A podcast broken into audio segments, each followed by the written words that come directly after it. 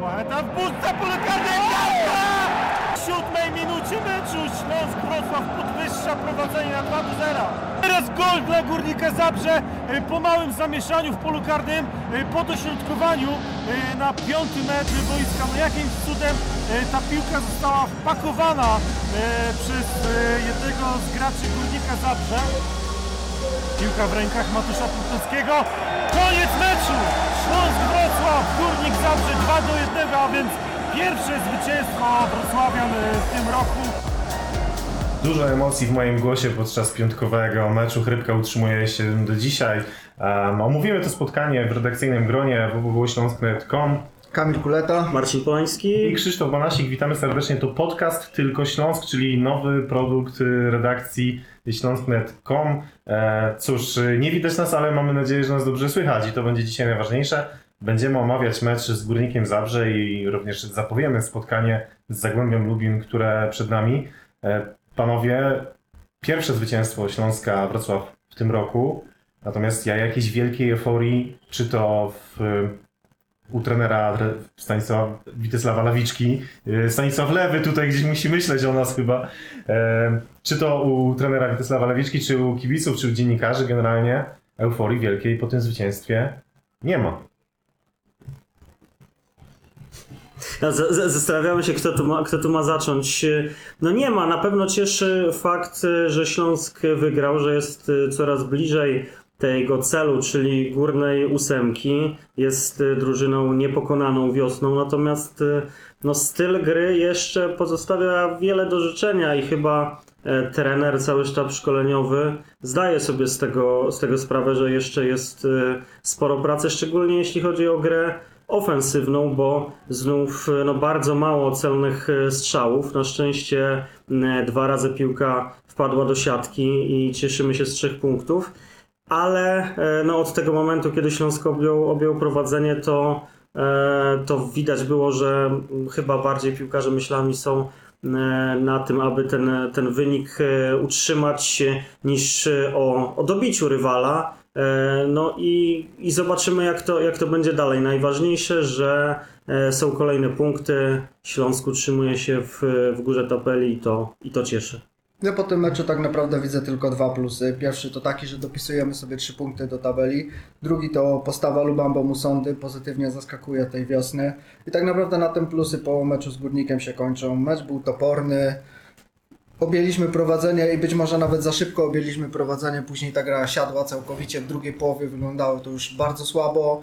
No, Dopełnieniem tej przeciętnej drugiej połowy, czy przeciętnego nawet całego meczu był ten moim zdaniem bezmyślny i głupi faul Żiwulicia, który no, spokojnie mógł nawet wybić piłkę w aut, nie byłoby problemu. E, No, straciliśmy bramkę ze stałego fragmentu gry, tutaj bym Puerto e, nie winił o to. No i tyle, dopisujemy trzy punkty, jedziemy dalej. Czy Kamil już chcesz wychodzić, tak? Już, e, no tak łatwo nie będzie. No, kilka znaków zapytania przed tym w składzie e, Śląska. E, Przede wszystkim zastanawialiśmy się, czy w ataku wystąpi Erik, Erik Exposito, czy dostanie kolejną szansę, czy jednak zadebiutuje Filip Rajcewicz od pierwszej minuty. No i trener postawił jednak na Czarnogórca. To chyba dobrze. No, chyba pijesz tutaj do mnie. Ja miałem bardzo mieszane uczucia, zresztą mieliśmy o tą małą, powiedzmy, e, wymianę zdań. E, Ja byłem zdania, że powinien kolejny raz zagrać Exposito z dwóch, trzech powodów. Pierwszy to taki, że uważam, że no, niewystawienie go w pierwszym składzie jakby dobiło go już całkiem psychicznie. Widać było po nim w Szczecinie, po, po tym niestrzelonym karnym, jego już praktycznie nie było. On był, on był nieobecny. Do, do momentu tego karnego był chyba jedynym wyróżniającym się zawodnikiem. Ja wiem, że to była piąta minuta, ale to on tego karnego zrobił. No później fatalnie przestrzelił i później już, później już zawodnika nie było. Graliśmy tak naprawdę w 10. W drugiej połowie zmienił go Rajcewicz i ta gra niewiele się poprawiła. I to był właśnie kolejny argument za tym, żeby kolejny, dać, e, kolejny raz dać szansę Exposito, dlatego że no, Rajcewicz, e, może inaczej, drużyna z Rajcewiczem wygląda nieco inaczej niż drużyna z Exposito, ale ja bym tutaj w, em, powiedział, że przyczyną tego jest to, że Rajcewicz nie presuje tak jak presuje Exposito. Rajcewicza nie widać biegającego od zawodnika do zawodnika, E, U Exposito to widać, e, niestety koledzy z drużyny nie, nie, nie, nie presują razem z nim, stąd robi się taka duża dziura i później, gdy przejmujemy piłkę, Exposito zostaje po prostu sam. Rajcewicz bardziej się wycofuje, on jest bardziej doświadczonym, on jest mądrzejszym zawodnikiem od Exposito, no i to pokazuje na boisku, natomiast e, punktu widzenia taktyki drużyny, myślę, że Exposito w tym momencie, mimo wszystko, że tych bramek nie, nie ma, nie strzela, daje więcej drużynie. Ja czekam na moment, w którym będziemy mogli zagrać na dwóch napastników, Py- czyli, czyli Exposito Rajcewicz. Pytanie, co to znaczy, że więcej daje zespołowi? Ja napastnika rozliczam przede wszystkim z liczby, czyli asyst i goli, bo gdybym chciał mieć zawodnika, który w ataku ma głównie biegać i przy- przeszkadzać obrońcom, to nie wiem, postawiłbym i tutaj Marcinowi Torzowi się to spodoba, na Kamila Bilińskiego bądź Łukasza Gikiewicza. A ciekawi mnie Marcin twoje spojrzenie, też e, możemy odsłonić trochę kulisy, że już wcześniej we- wewnątrz redakcji dyskutowaliśmy o tym i ty raczej byłeś Team Exposito. Pytanie, e, co sądzisz po tym spotkaniu? No my jesteśmy oczywiście mąd- mądrzejsi po tym, po tym meczu e, i możemy krytykować, e, ja przynajmniej powiem za siebie, e, pomysł Kamila, żeby Exposito dostał kolejną szansę od, pie- od pierwszej minuty. Natomiast e, no, fakt jest taki, że zaliczył gola, zaliczył asystę drugi, drugiego stopnia w tym meczu. Team Exposito czy Team Rajcewicz? Marcin nie, no to, to jeśli chodzi o te teamy, to, to u mnie się, się zmieniało. E, czy to, to, co mówił Kamil, widać, że z Rajcewiczem drużyna gra inaczej. Exposito ma trochę, trochę pecha, bo chociażby w, w tym, e, po tym wejściu w, meczu z Górnikiem, e, no napastnik też musi żyć z podań. On wchodząc e, w takim, w takim momencie, kiedy Śląsk naprawdę skupiał się bardziej na, na obronie tego, tego wyniku, no te jego statystyki przez e, 25 minut są słabe. Na pewno trzeba przyznać to, to co powiedział Kamil, że, że Exposito jest aktywny, dużo biega, tylko no, że też niewiele, niewiele z, tego, z tego wynika, więc no, ja przed, przed tym meczem z Górnikiem e, byłem za tym, żeby, żeby dać szansę Czarnogórcowi. E, Pytanie, czy on jest gotowy na, na grę na 90 minut i ta zmiana w 70 e, bodajże 70. w 70 minucie, czy wynikała z tego, jak drużyna w tym momencie grała, czy też trochę z tego, że, e, że Rajcewicz e, opadł e, z sił. E, No wydaje się, że, że tym występem e, zdecydowanie posadził e, na ławkę e, Exposito e, i w, w meczu z e, Zagłębiem e, znów, e, znów wystąpi na, na dziewiątce. Co do gry dwoma napastnikami, Wydaje mi się, że szybko to nie nastąpi. E, Tak, Tego chyba w ogóle nie jest trenowane na ten moment. tak samo jak przejście na system 3-5-2, w którym. A tutaj, tutaj wiemy, że jest, jest plotka taka, która gdzieś tam krąży pomiędzy dziennikarzami, że, że trener przymierza się do tego, Kto żeby, miałby być tym żeby taką taktykę zastosować w Śląsku. No może to też pytanie, czy 3-5-2, czy takie 3-4-1-1, gdzie mógłby być e, na przykład e, Markowicz grać takiego ofensywnego, ofensywnego pomocnika, ale to, to myślę, że już bardziej pod kątem e, przyszłego sezonu. E, Konkludując, jeśli chodzi o napastnika, na razie, na razie zdecydowanie e, Rajcewicz. E, No i będziemy, będziemy na pewno uważnie przyglądać się, jak e, będzie dalej drużyna w takiej konfiguracji e, się prezentować. Rozmowę z y, Czarnogórcem możecie przeczytać na naszej stronie. E, W zeszłym e, ods- odsłonie kulisy nasz e, współpracownik, wieloletni e, członek naszej redakcji Filip Podolski po serbsku rozmawiał e, z Filipem Rajcewiciem e, po meczu. Inni dziennikarze tak przyglądali się ze, ze zdziwieniem, także zapraszamy do przeczytania tej krótkiej e, rozmowy. Możecie ją znaleźć na naszej stronie. E, Ja jestem pod wrażeniem tego, z jakim spokojem Rajcewicz dokonuje pewnych wyborów e, i jak on wykańcza akcję, chociażby w sparingu to pokazał też tym przy Oporowskiej, kiedy był sam na sam z bramkarzem i na wielkim spokoju ominął go i wpakował piłkę, piłkę do siatki. No i też z jakim spokojem podał piętką do Michała Hrabka, który później zaliczył asystę mm, przy golu Dino, Dino Stigleca, więc Rajcewicz daje na ten moment moim zdaniem dużo, dużo więcej niż dawał Erik Exposito. Ale też trzeba popatrzeć, że mm, dwukrotnie był w polu karnym, gdzie też miał szansę na, na, kolejne, na kolejne gole. Gdzieś tam nie, nie udało się odpowiednio tej, tej nogi dołożyć. A co do tych piętek, to też mam wrażenie, bo to nie była pierwsza piętka. Chyba już y, w Szczecinie też y, raz próbował zagrywać piętkę na, na sparingu wcześniej, na Oporowskiej również. I dla mnie trochę też za dużo momentami jest te, te, tej Brazyliany. E, Fajnie, fajnie że, ma, że ma technikę, ale też skupmy się na tym, żeby to było, to było wszystko nie tylko efektowne, ale też efektywne. Mecz z Górnikiem Zabrze no, mógł się rozpocząć fatalnie dla Śląska, bo już w 11 sekundzie Igor Angulo e, powinien wyprowadzić Górnika na prowadzenie. E, no i tutaj stawiam znak zapytania, czy Izrael Puerto rzeczywiście jest aktualnie filarem obrony Śląska Wrocław, tak jak miało to miejsce jesienią, czy jednak Puerto ciągle szuka tej właściwej formy? E, Myślę, że na ten moment e, tak naprawdę Puerto jest podstawowym zawodnikiem. Nie wyobrażam sobie wyjściowej jedenastki bez Puerto.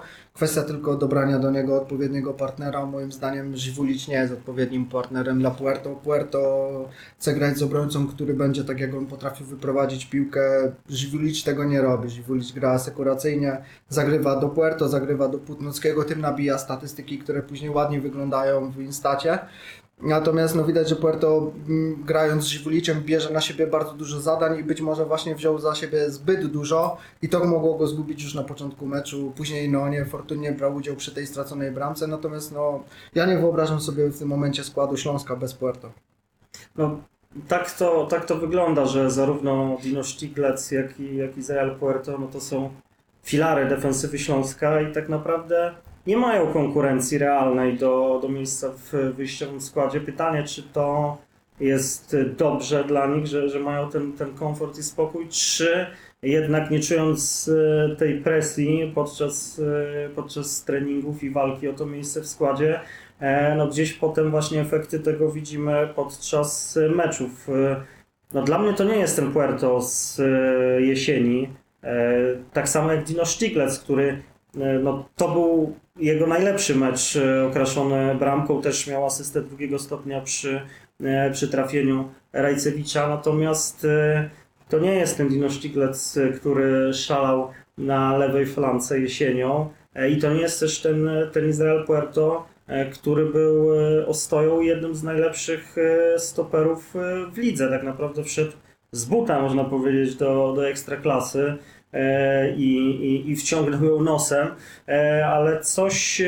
Zresztą mam wrażenie, że to dotyczy kilku piłkarzy Śląska, że po tych zimowych przygotowaniach ta drużyna nie wygląda tak, jak wyglądała jesienią. Być może potrzebuje kilku meczów, żeby nabrać rozpędu i oby tak było, oby w tej decydującej fazie, w tym Pucharze Maja, jak to mawia trener Probierz, wtedy była ta najwyższa forma. Ale mam wrażenie, że, że piłkarze jakoś, dotyczy to też chociażby Picha czy Mączyńskiego, to nie dają tyle, co, co dawali jesienią. Być może Puerto tak bardzo tęskni za Wojciechem Golą. No, wiemy, że to była taka fundamentalna para stoperów w meczach jesiennych. No niestety w tym sezonie już jej nie zobaczymy. No i właśnie tutaj pytanie, jaki wpływ na grę Puerto miał Wojciech Golla? Myślę, że trzeba by było zapytać o to samego Izraela Puerto. On pewnie odpowie, że na pewno mu goli brakuje, ale dobrze mu się gra też z Ziwuliczem. Wiemy, że piłkarze lubią tak. No to sam sobie odpowiedziałem. tak. Wiemy, że piłkarze lubią tak no, trochę PR-owo czasami, czasami odpowiadać na różne, na różne pytania.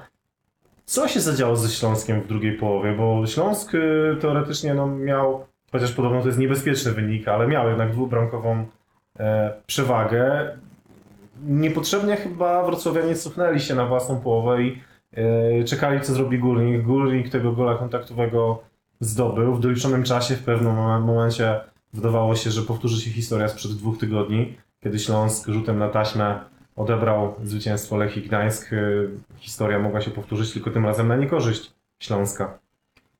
Ja tutaj zauważyłem w meczu z Górnikiem coś, co mnie martwi od początku wiosny, czyli przygotowanie fizyczne Śląska. Nie wiem, czy Śląsk lekko nie jest podjechany okresem przygotowawczym. Co prawda kilometrów trochę nabiegał, ale martwi mnie tempo, w jakim biegał. W drugiej połowie już było widać, że zespół się cofnął, być może właśnie celowo ze, ze względu na to, że, że nie są tak dobrze przygotowani fizycznie, albo jeszcze dochodzą, czy łapią tą świeżość po okresie przygotowawczym i to w kolejnym meczu się uwypukla. No i, i to myślę, że było spowodowane tym, że no, nie graliśmy w drugiej połowie kompletnie żadnych akcji ofensywnych. Próbowaliśmy coś budować, ale te próby kończyły się na 20-30 metrze przed bramką Górnika. Aktywny był Przemek Pocheta, ale no nie miał za bardzo z kim pograć. Był po prostu za szybki dla kolegów z drużyny. Po drugiej stronie tej szybkości nie było widać, chociaż był Roberta Picha, czym imponował jesienią. Myślę, że Robert Pich jest e, w tym momencie chyba głównym, może nie chcę powiedzieć przegranym, ale u niego najbardziej chyba rzuca się w oczy to, to przygotowanie fizyczne, czy może nadmiar intensywności w okresie przygotowawczym. Być może za miesiąc, za półtora zadziała to na korzyść właśnie w tym Pucharze Maja, złapie tą świeżość, natomiast w tym momencie no, nie wygląda tak, jak, jak wyglądał jesienią. To jest właśnie, właśnie ciekawe, bo yy, też nawiązałeś właśnie to, to, to, co miałem na myśli, że, że ci piłkarze nie wyglądają tak samo jak jesienią, ale nie wszyscy, bo na przykład właśnie Przemek Płacheta czy Lubambo Musonda wyglądają motorycznie naprawdę, naprawdę dobrze. I teraz pytanie, dlaczego mamy takie wrażenie, że, że w ich przypadku e, jest wszystko na takim poziomie, ja- jaki znamy, jakiego oczekujemy. No, Lubomba Lu- Musonda gra na euforii, no, gra w pierwszym składzie, jest, jest podbudowany, jest zbudowany tym, że ma minuty i, i prezentuje się naprawdę dobrze, no a Przemek Pocheta to jest typowy szybkościowiec, to jest zawodnik, który bazuje na dynamice, na, na szybkości, na zwrotności, tym wygrywa swoją e, pozycję w, w lidze tak naprawdę. Więc pytanie, czemu, czemu u innych, u innych piłkarzy tego, tej, świeżości, tej dynamiki nie widać? Poczekamy e, jeszcze, jeszcze ten jeden mecz, dwa, zobaczymy jak, jak wtedy będą piłkarze się prezentować, ale ja chciałem zwrócić Waszą uwagę na coś, na coś innego, co mi się spodobało i było jednym e, moim zdaniem z plusów tego meczu, mm, bo nie wiem czy pamiętacie jak padła pierwsza bramka dla Śląska, e, a padła ona po wysokim pressingu całej, całej drużyny. E, Tam był odbiór Roberta, Roberta Picha, ale cała drużyna bardzo wysoko podeszła, e, spresowała e, i Śląsk jesienią często w, w ten sposób zdobywał bramki, odzyskiwał piłkę i to jest e, fajnie, to jest e, element, e, który, który cieszy. Zwróć tylko uwagę na moment meczu, w jakim był ten pressing. Jesienią ten pressing było widać również w drugiej połowie, nawet wtedy, kiedy nie musieliśmy gonić wyniku, kiedy prowadziliśmy. E, Na wiosnę tego nie widać. Ten pressing, jeżeli jest, to, to tylko na początku, wtedy, kiedy jest świeżość, kiedy są siły. Później już, później już tego nie ma. Ale zobacz mecz z Lechią, e, no jednak Śląsk musiał gonić, gonić wynik i wtedy, i wtedy grał wysoko i, No tak, i ale agresywnie. mecz z Lechią wygra... Dociągnęliśmy do remisu tak naprawdę środkiem pola. Lechia przegrała mecz w środku pola, bo miała niedoświadczony środek. To fakt i wydaje się, że też trochę, trochę wtedy opadli, opadli z sił. Natomiast tutaj też Krzysiek wcześniej wspomniał o tym, że e, mogło się skończyć e, pechowo. E, tak jak było szczęśliwie z Lechią, tak tutaj mogło się skończyć pechowo, no bo ta akcja w doliczonym czasie gry i, i obrona Matusza Putnockiego, no gdyby tam padła bramka na, na 2-2, e, no to chyba nie moglibyśmy mieć pretensji, mielibyśmy wtedy e, duży żal e, i też z innej perspektywy byśmy, byśmy oceniali e, mecz Śląska w, e, właśnie z Górnikiem i, i, i ogólnie ten, ten początek e, wiosny, także no też trochę, trochę, szczęścia, trochę szczęścia w tym meczu z e, Górnikiem było. No, Górnik w ostatnich 30 minutach miał około 60% y, posiadania piłki, więc to jest naprawdę, naprawdę dużo. Moim zdaniem Śląsk, gdyby po tych trzech meczach miał na koncie 0 punktów, to tak naprawdę nie, nie mógłby mieć do nikogo pretensji. Bo jak sobie przypomnimy mecz z Lechią, e, stracone dwie bramki i tak naprawdę no, rzutem na taśmę udało się wywalczyć cenne oczko, e, gdzie przecież e, no, mówiliśmy przed meczem, że mm, przez to okienko transferowe z Lechii wypadło wielu zawodników, kilku było kontuzjowanych, chorych. E, no jak popatrzyliśmy na numery zawodników rezerwowych, piłkarzy Lechii Gdańsk, e, to mój syn jeszcze nie potrafi do tylu liczyć. Później mecz w Szczecinie i graczem meczu został wybrany mm, na naszej stronie mm, Matusz Putnocki, e, więc to też pokazuje no, kto był pierwszoplanową postacią i dlaczego Śląskowi udało się ze Szczecina wywieźć punkt. E, No i w, w piątek Górnik, gdyby najpierw Angulo strzelił na 1-0 w 11 sekundzie, później gdyby Górnik wykorzystał te sytuacje, które miał, mnóstwo stałych fragmentów gry, e, duża przewaga właśnie też w posiadaniu piłki, e, no to z tych statystyk wychodziłoby, że Górnik też powinien to spotkanie wygrać.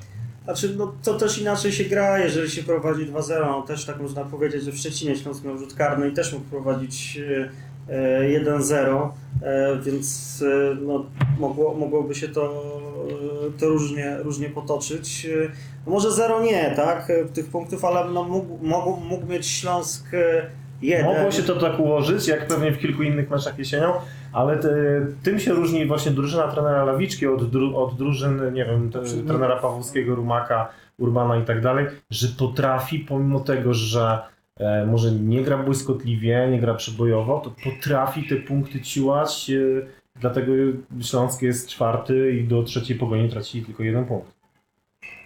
No to też jest taka liga, gdzie każdy traci punkty z każdym i, i ważna jest ta, ta systematyczność.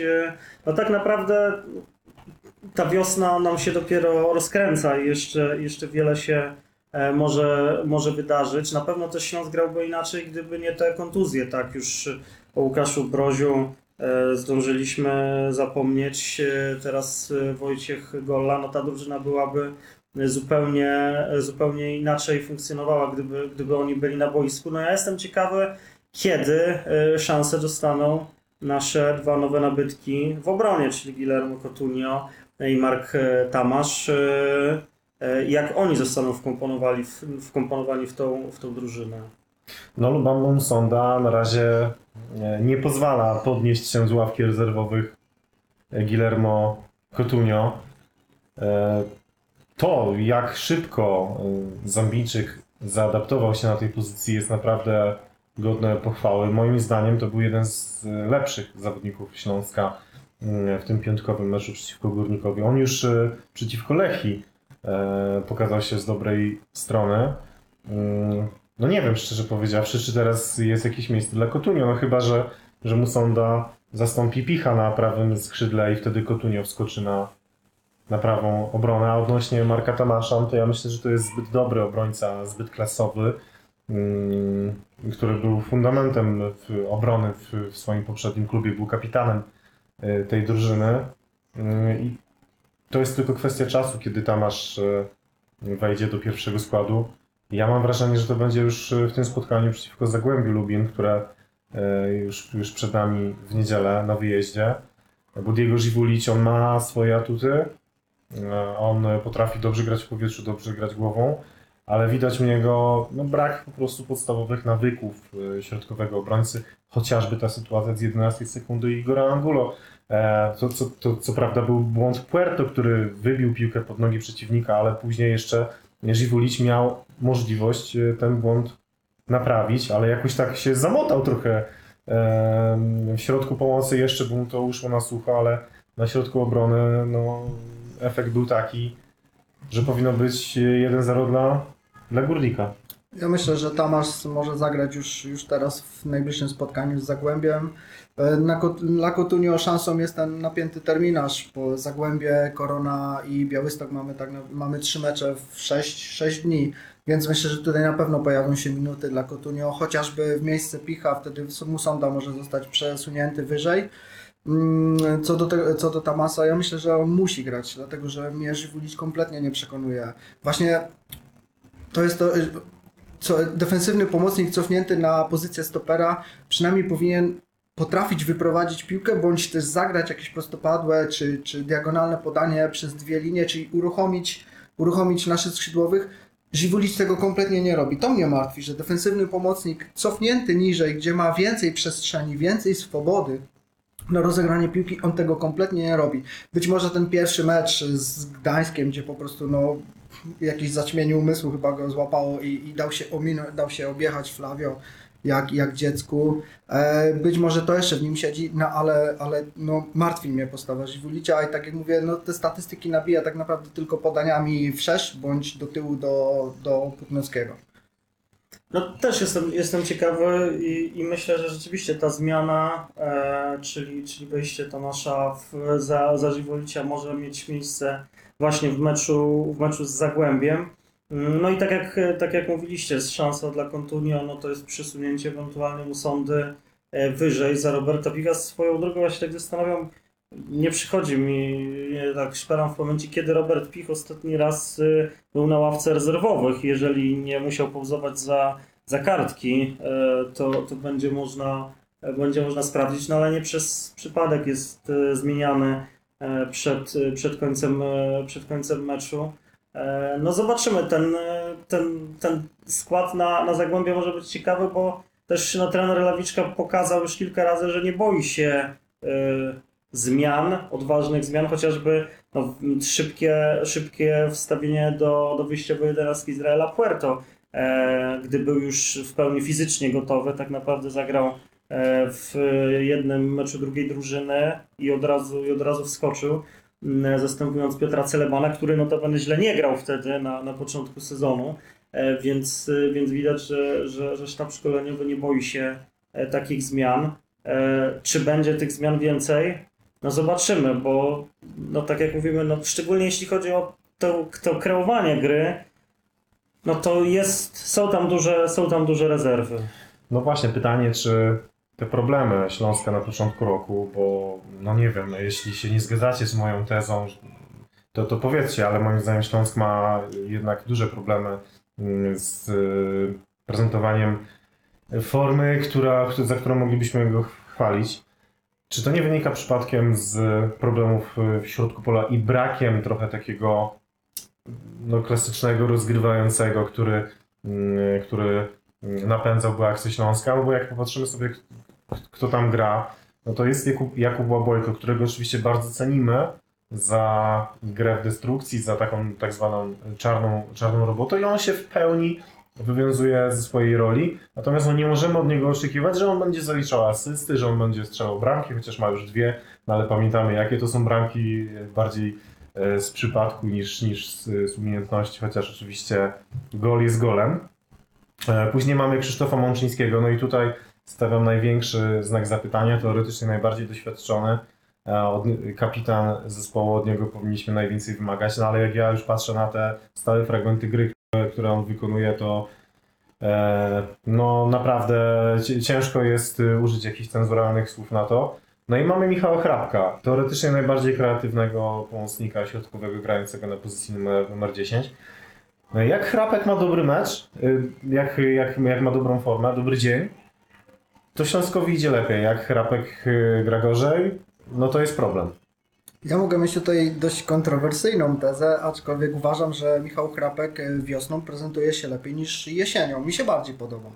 E, Martwi mnie forma Krzyśka Mączyńskiego, ale myślę, że ona jest podyktowana nie do końca e, pełną sprawnością fizyczną. Tu widać u niego jakiś nie do końca wyleczony uraz, widać tą asekurację w jego grze i tutaj te trzy najbliższe mecze, ten maraton meczy, myślę, że może być też szansą dla Przemysława Bergiela, Bargiela, e, zwłaszcza, że Płacheta cały czas jest jedną kartkę od zawieszenia dodatkowo, no to jest tak naprawdę nasz jedyny młodzieżowiec, który gra i myślę, że trzy mecze po 90 minut w 6 dni nie będą dla niego dobrym rozwiązaniem, więc tutaj musimy myśleć nad jakimś zastępstwem.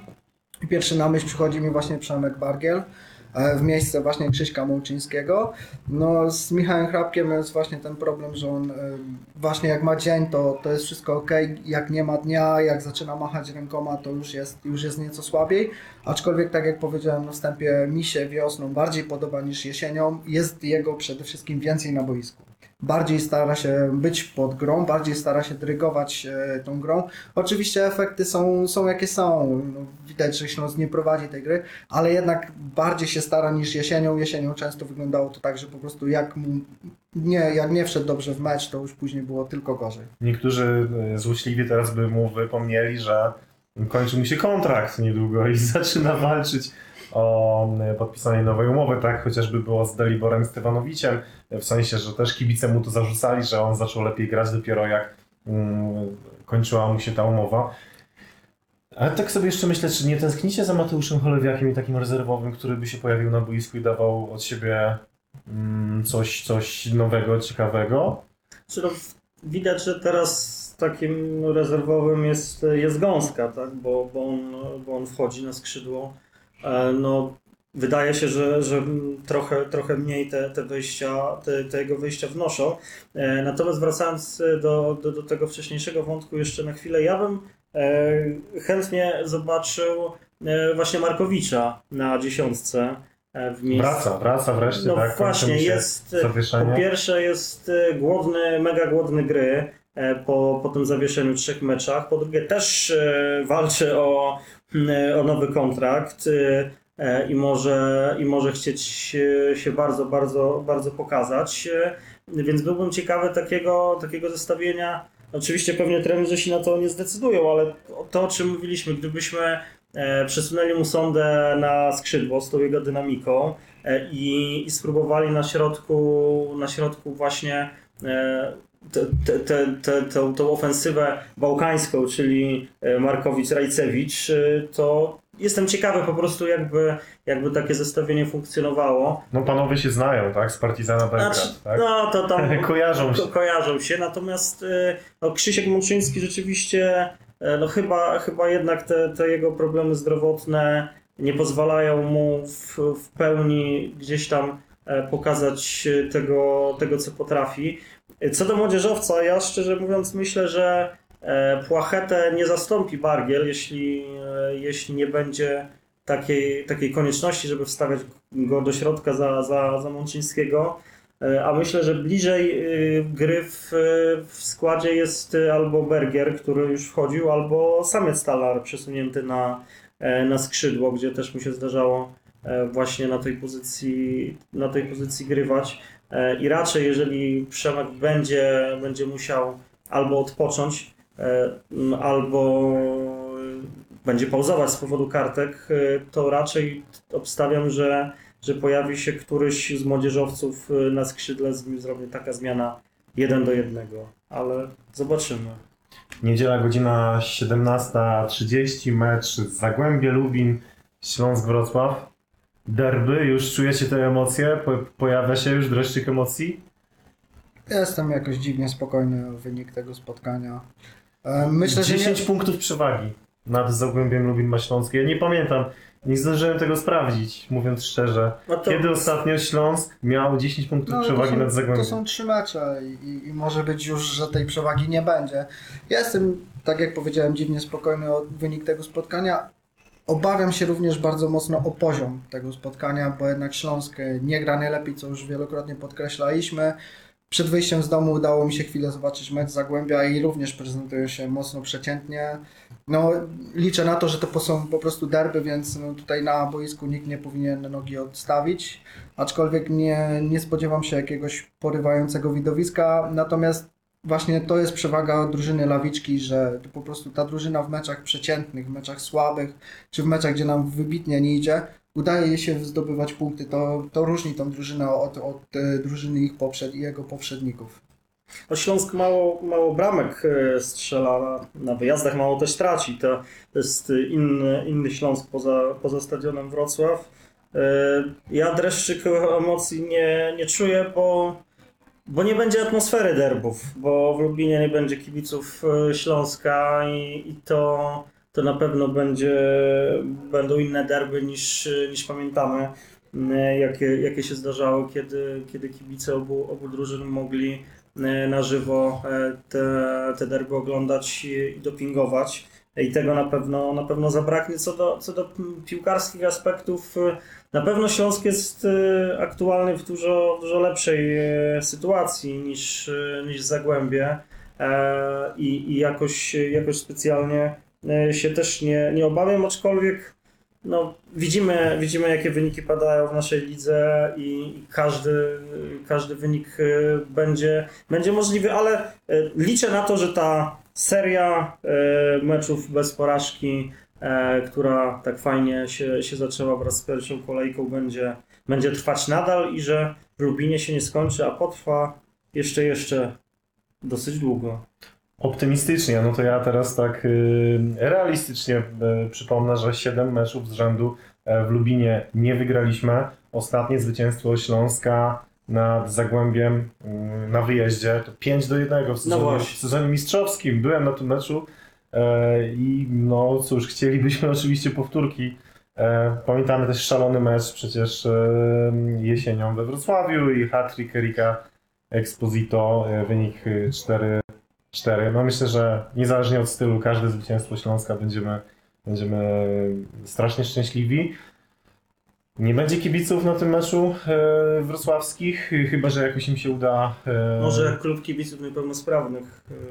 Tak, może klub kibiców niepełnosprawnych będzie, bądź też e, niektórzy incognito się pojawią. Na pewno my tam będziemy.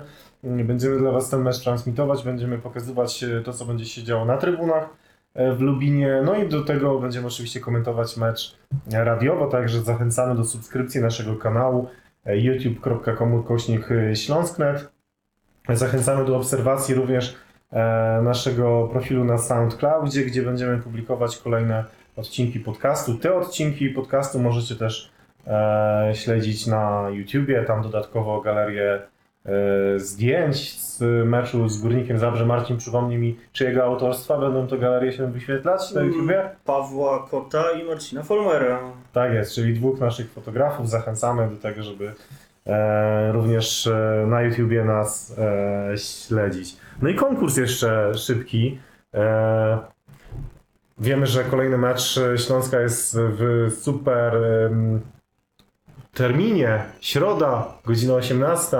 E, więc na pewno będziecie chcieli jak najszybciej e, dostać wejściówkę na to spotkanie, żeby przypadkiem wcześniej się bilety nie skończyły. E, Wyślijcie do nas maila. Mm, Pytanie do kiedy? Pytanie do kiedy?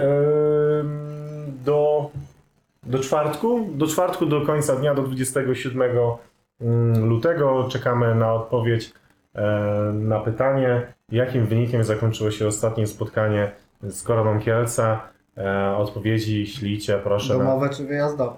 Ostatni mecz. Osta Ostatni. mecz Śląska z Koroną Kielc. Dobrze, niech będzie domowy, przekonałeś mnie.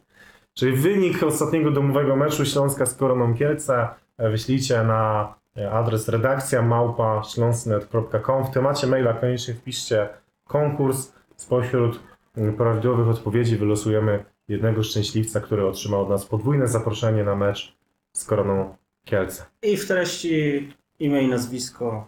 Tak jest. I w treści podajcie oczywiście swoje imię i nazwisko, żebyśmy wiedzieli dla kogo e, taki voucher przygotować. www.patronite.pl ukośnik Śląsknet to też y, strona, na której możecie nas wspierać. Nasi patroni mają lepiej, e, mogą e, wcześniej otrzymywać materiały na zamkniętej grupie na Facebooku. E, możecie również liczyć na, liczyć na dodatkowe upominki, które dla Was przygotujemy. No a przede wszystkim to, to myślę, że frajda z tego, że my jako redakcja będziemy mogli zakupić jakiś kolejny nowy sprzęt, dzięki któremu będziemy Wam dostarczać lepsze materiały na naszej stronie. Marcin Polański, Kamil Kuleta, Krzysztof Banasik. E, To był podcast Tylko Śląsk. E, Do usłyszenia już za tydzień, również o 19.47 będziemy się starać właśnie o tej porze co tydzień publikować dla Was em, podcast Tylko Śląsk. Dziękujemy. Poeta w bóstce pole! W siódmej minucie meczu Śląsk Wrocław podwyższa prowadzenie na 2 do 0. Teraz gol dla Górnika Zabrze y, po małym zamieszaniu w polu karnym, y, po dośrodkowaniu y, na piąty metr boiska. No jakimś cudem ta piłka została wpakowana przez jednego z graczy Górnika Zabrze. Piłka w rękach Matusza Putowskiego. Koniec meczu! Śląsk Wrocław, Górnik Zabrze 2 do 1, a więc pierwsze zwycięstwo Wrocławian w tym roku.